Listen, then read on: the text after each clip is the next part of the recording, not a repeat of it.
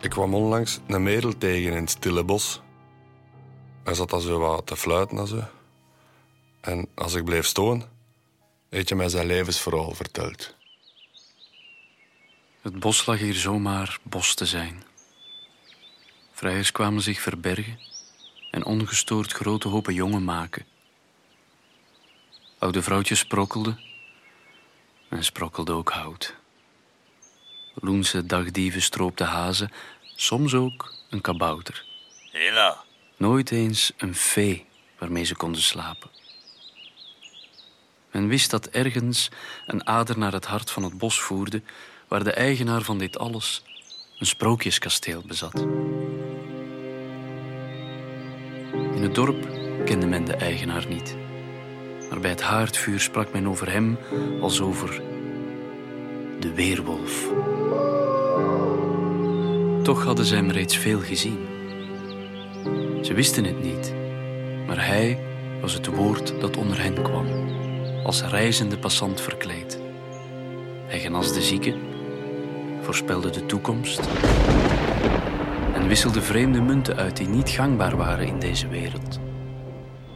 Telkens als hij door het dorp was getrokken, miste er wel iemand een openbloeiend dochtertje. Ik heb daar straks de weerwolf nog gezien. In een glimp. sprak de weerwolf zelf over zichzelf. Ieder jaar liep hij ook bij de timmerman binnen, waar weinig te wisselen of te genezen viel, maar waar over de huisvloer drie rijpende meisjes stoeiden.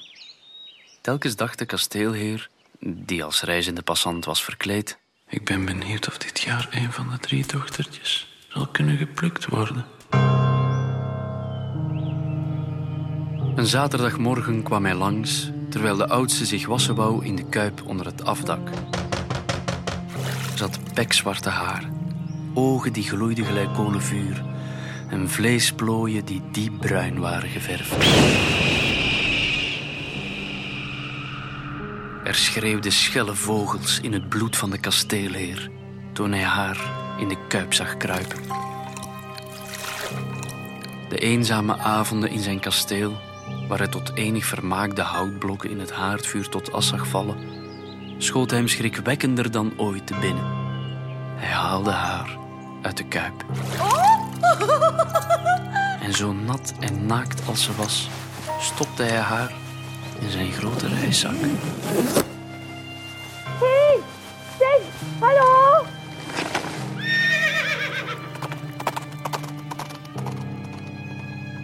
Langs een omweg keerde hij terug naar het hart van het bos. En pas als de duisternis was gevallen en de luiken geloken, haalde hij haar tevoorschijn. Dans gelijk de vlammen in de haard. Schreeuw gelijk de vogels in mijn bloed. En blijf naakt, gelijk daar in de kuip.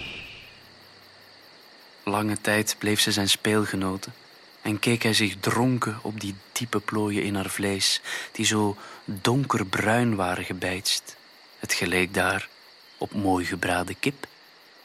Hij moest het speeksel doorslikken als hij haar in zijn verbeelding op een schotel zag liggen. Maar ze gaf hem nooit reden zich boos te maken, zodat hij nooit woedend zeggen kon: Ik ga u aan het braadspit dragen. Hij beraamde zijn plannen en sloop rond. En zekere dag gaf hij haar een zilveren sleutel en het pasgelegd ei van een merel. Draag dit steeds in handen. Maar steek de sleutel niet in het verkeerde slot. En breek ook niet het ei. Toen zette hij zich bij het haardvuur en gebaarde te slapen. Met haar sleutel was ze om dood te vallen van nieuwsgierigheid. Maar in welk slot moet die nu passen? Waar moet ik die nu in doen? Stil sloop ze weg en beproefde de sleutel op alle deuren.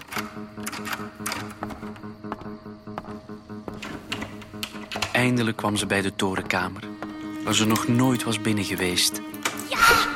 En zie, daar paste de sleutel.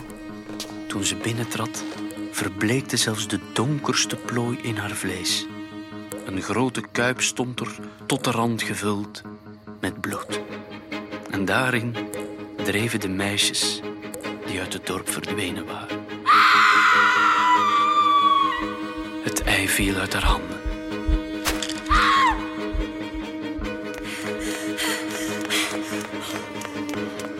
En toen zij terugkeerde, zag de kasteelheer dadelijk hoe laat het was. Hoezeer ik ook met haar gespeeld heb.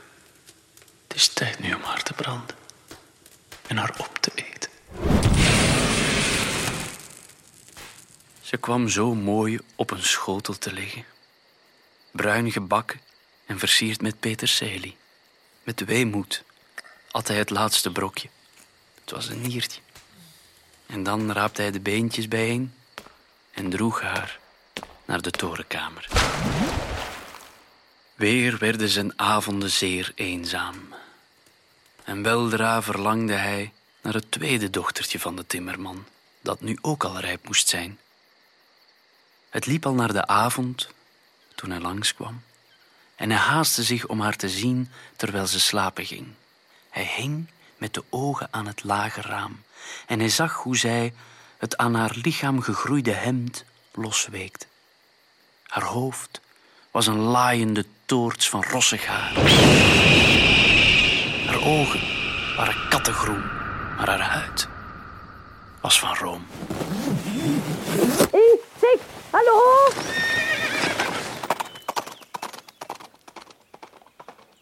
In zijn kasteel proefde hij de room van haar huid. En hij warmde zich de handen aan de rosse vlam die speels haar buik likte. Maar toen de smaak van room hem tegenstond en hij de tong van vuur tussen haar dijen al te onbeweeglijk wist, vrat hij zich gelijk vroeger de vingernagelen stuk. Weer haalde hij de zilveren sleutel en het pasgelegd ei van een merel en stopte haar dat in handen.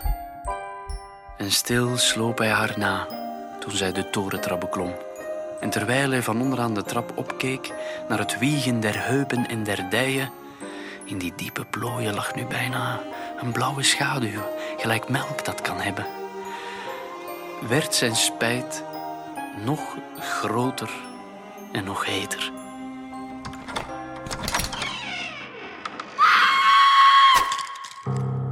Mag ik u ongestraft straffen. Hij hing haar op aan de rosse vlam der haren. De grote kram in de muur begon sefes te roesten.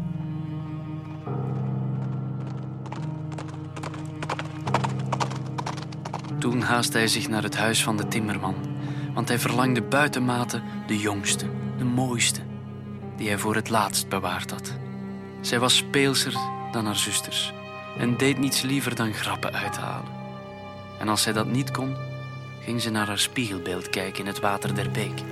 De blonde haren hingen om haar heen en haar borstjes kwam er blinde mannetje in spelen. Zijn daar weer, een reizende passant? Wat staat jij mij daar aan te gapen van achter de struiken? Mag ik met u mee? Ken je leuke spelletjes? Ik zeg hallo!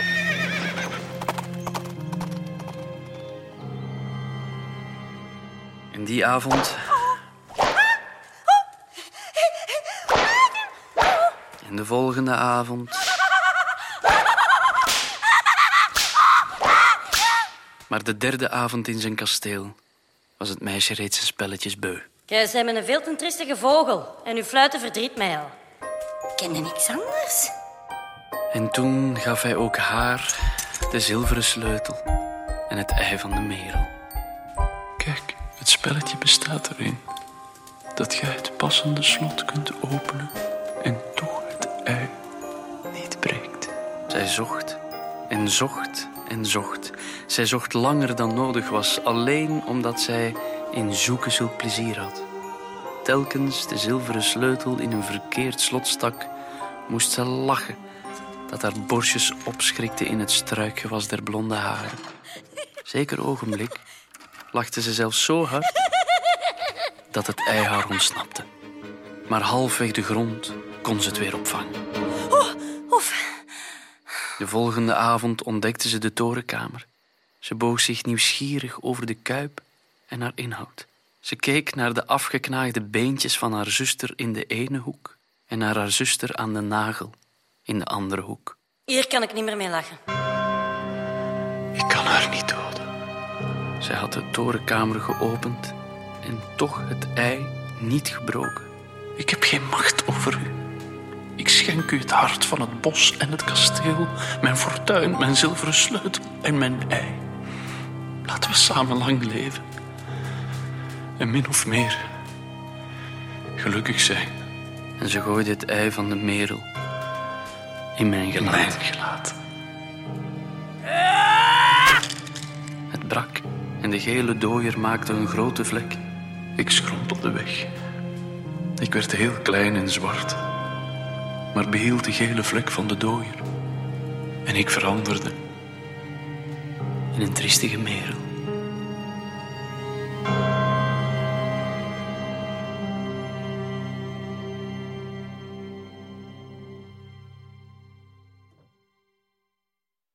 Wat er verder met haar gebeurd is, weet ik niet.